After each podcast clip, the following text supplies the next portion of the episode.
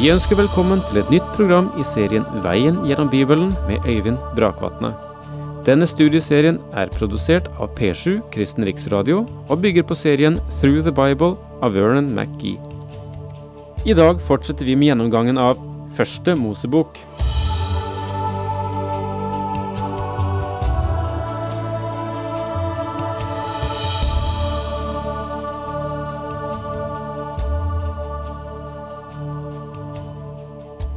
Ja, nå håper jeg at det finnes mange rundt omkring som har funnet frem sin egen bibel, og i den vil følge med.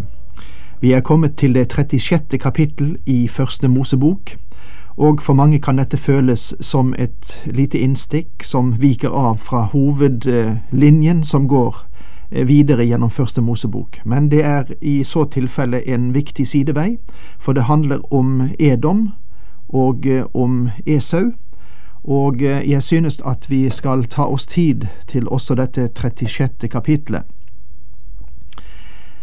Kanskje noen vil diskutere med Gud om hans valg av Jakob fremfor Esau. Esau så så god ut på utsiden. Kunne Gud ha tatt feil? Vel, hos den lille profeten Obadja ser vi Esau avslørt. En liten Esau er blitt til omkring 100 000 edomitter. Hver av dem er en liten Esau. Nå kan du ta et blikk på nasjonen, og så kan du se hva som stammer fra Esau. Det er som å sette Esau under et mikroskop. Han ble mange ganger forstørret. Hva ser vi? Vi ser en nasjon spekket av stolthet. Gud sa til Edom, og nå siterer jeg fra Obadja kapittel 1 versene 3 og 4. Ditt hjertes hovmod har narret deg, du som bor i fjellkløfter og har ditt tilhold i høydene, du som tenker med deg selv, hvem kan styrte meg til jorden? Om du bygger høyt som ørnen, ja, legger ditt rede blant stjernene, så vil jeg styrte deg ned derfra, lyder ordet fra Herren. Stoltheten i deres hjerte var som en uavhengighetserklæring, en sjel som sier at den kan leve uten Gud, og ikke har behov for Gud, og det er Esau i et nøtteskall. I siste bok i Det gamle testamentet sier Gud, Jakob har jeg elsket, og Esau har jeg hatet. Gud sa aldri det før over 1000 år etter at disse menn hadde levd, men Gud kjente Esaus hjerte helt fra begynnelsen. Etter at de har gått sin vei gjennom historien, er det åpenbart for alle at Gud hadde rett. Og nå går vi inn i det 36. kapittelet, vers 1, der det står Dette er ætten til Esau, som også kalles Edom. Igjen sies det at Esau er Edom. Esau tok seg koner blant Kanans døtre.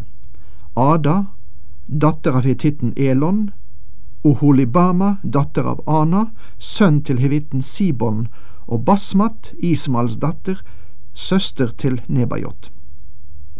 Du husker at Esau hadde giftet seg med to kananittiske kvinner, og også en kvinne av Ismaels ett. Esau tok sine koner, sine sønner og døtre og hele husstanden sin, buskapen, alle sine husdyr og alle eiendelene han hadde samlet seg i Kanan, og dro til Seirlandet, bort fra Jakob sin bror, for de hadde så mye fe at de ikke kunne bo sammen. Det landet de hadde bodd i som innflyttere, kunne ikke romme dem, så stor som buskapen deres var. Husk at Abraham og Lot hadde hatt det samme problemet. Det var ikke store nok beiter for dem. Hver av dem hadde for mye kveg.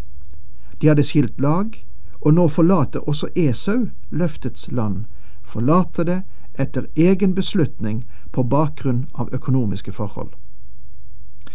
Esau slo seg da ned i Seirfjellene.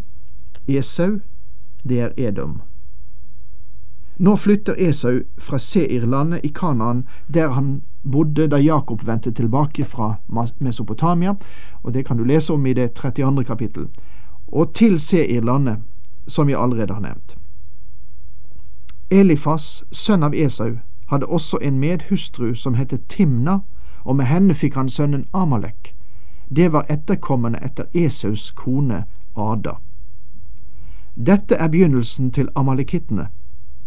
Gjennom århundrene spredte disse stammene seg i mange retninger. Mange av dem drog over til Nord-Afrika. Alle de arabiske stammene kommer fra Abraham, gjennom Hagar, egypterinnen, og gjennom Ketura, som han giftet seg med etter at Sara var død. Og der har vært inngifte mellom disse stammene. De tilhører den samme familie som israelittene tilhører. En venn av meg sa at han en gang møtte en kristen araber som fortalte at han hatet Israel. Og min venn svarte, Men han er jo din bror. Men det fikk virkelig denne karen sint. Han svarte, Jeg har ikke noe fellesskap med det folket. Men min venn insisterte og sa at det måtte de ha, siden de begge var semittiske folk.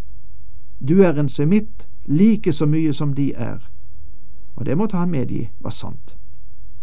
Så dette kapitlet er viktig fordi det viser disse tilknytningspunktene. Guds ånd bruker en masse trykksverte for å fortelle oss om det. Dette er stammehøvdingene i Esaus ett. Sønnene til Elifas, Esaus eldste sønn, var høvdingene Teman, Omar, Sefo og Kenas, Kora, Gatam og Amalek. Det er de høvdingene som stammer fra Elifas i Edom. De er Adas etterkommere. Her ser vi at det utkrystalliserer seg en elite med stammehøvdinger tatt ut av Esaus egen slekt. Men det er også andre som tilhører overklassen. Dette er de kongene som rådde i Edom før det var noen konge i Israel. Dette forholdet med å ha konger var ikke Guds plan for hans folk. Men dette var den livsstil som gjorde seg gjeldende i Edom. De hadde høvdinger og konger over dem. Om du hadde tilhørt Esaus familie, så ville du ha trengt en tittel, fordi det var et uttrykk for den stolthet og det overmenneskeideal som de hadde. Det er interessant å legge merke til at Esaus folk hadde konger lenge før Israels folk hadde konger. Men senere vil også Israels folk si til Samuel, Sett en konge over oss, en som kan styre oss, det har jo alle de andre folkene. De kunne ha sagt, våre brødre i syd, edomittene, har konger. Vi vil ha konger på lik linje med dem.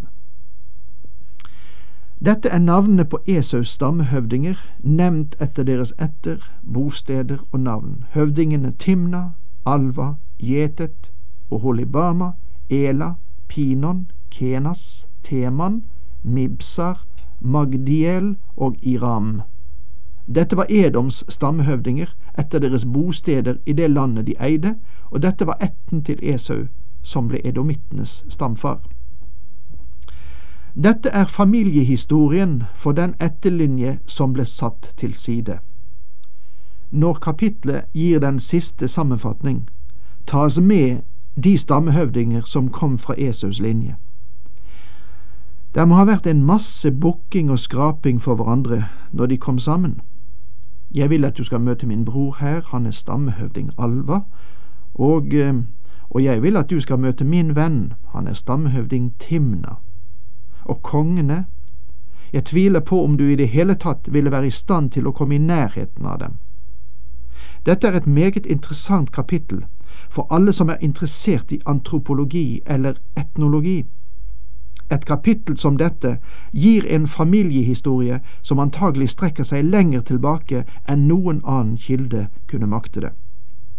Så kapittelet avsluttes med en oppregning av stammehøvdingene og nevner at de holder til i det landet som de har tatt i eie, som er Edom. Han er Esau, som ble edomittenes far. Utviklingen av dette møter vi igjen hos profetene Obadja og Malaki. Dette er virkelig verd å merke seg, og noe vi ikke kan gå lett forbi, men som du allerede har hørt, så vil vi vende tilbake igjen til det når vi kommer til de såkalte små profeter. Dermed så vil vi sette strek for dette kapitlet og gå over til hovedstrømmen igjen og hovedlinjene. Når vi nå går tilbake til den historiske linje fra Abraham, Isak og Jakob, i det 37. kapittel, kommer vi til den fjerde personen som rager opp i siste del av Første Mosebok. Fra dette kapitlet og hele veien gjennom resten av Første Mosebok er Josef den sentrale personen, selv om vi fremdeles har med Jakobs familie å gjøre. Flere kapitler er viet Josef enn Abraham, Isak eller noen andre. Og flere kapitler vies Josef enn hele den første del av Første Mosebok, nemlig kapittel 1 til 11. Dette burde få den reflekterende bibelstudenten til å spørre hvorfor Josef har en så fremskutt posisjon i Skriften. Det er sannsynligvis flere årsaker til det. Den ene er at Josef lever et etisk høyverdig liv. Han er et levende eksempel på dette verset fra Filippe-brevet. For øvrig, brødre, alt som er sant, alt som er edelt, rett og rent, alt som er verd å elske og akte, all god gjerning og alt som fortjener ros, legg vind på det. Gud ønsker at vi skal være opptatt med alt som er sant, edelt, rett og rent, og Josefs liv er nettopp det. Der er en annen årsak til at Josef inntar en fremskutt posisjon i Skriften, og det er at det er ingen andre i Skriften mer lik Kristus både hva angår person og erfaringer enn Josef. Og likevel sies det intet sted i Det nye testamentet at Josef er et bilde på Kristus. Men jeg tror ikke at parallellen kan være tilfeldig. Og ettersom vi går igjennom Josefs historie, vil vi nevne mange av disse parallellene. Der er i det minste 30 slike paralleller som jeg vil nevne etter hvert. Så nå gjenopptar vi Jakobs historiske linje, som er den som leder frem til Messias, Kristus. Jakob bor i Kanan når historien om Josef begynner. Og her leser vi det første verset i kapittel 37 og fortsetter igjennom. Jakob ble boende i Kanan, det landet hans far hadde bodd i som innflytter. Jakob har altså åpenbart beveget seg sydover, syd for Betlehem, og har kommet til Hebron. Det var her Abraham hadde sitt hjem. Dette er et sted for fellesskap, for samfunn med Gud. Husk at Hebron betyr fellesskap. Dette er historien om Jakobs ett. Da Josef var 17 år, gjette han småfe sammen med brødrene sine. Ung som han var, fulgte han med sønnene til Bilha og Silpa, farens koner. Alt det onde han hørte om dem, gikk han til faren med. Vi kan se at de guttene Jakob hadde, var for en stor del problembarn, kanskje med unntak av Josef og Benjamin. Det tok disse karene lang tid å lære de leksene Gud ville undervise dem i. Men legg nå merke til at trykket føres over fra Jakob til Josef. Josef var bare 17 år gammel, bare en tenåring, da det vi nå har for oss, fant sted. Han var den yngste av guttene som var ute og gjette. Benjamin var fremdeles for ung å være med, og ble derfor holdt hjemme. Josef hadde dårlige meldinger å komme med til sin far om de andre guttene, og selvfølgelig likte de ikke det. Det skulle ikke forundre meg at de kalte ham en sladrehank.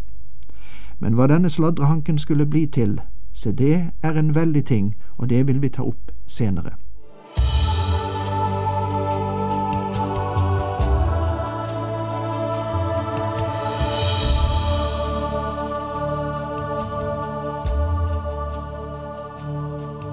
Du hørte Øyvind Brakvatne i studieserien Veien gjennom Bibelen. Serien bygger på et manus av Vern McGee.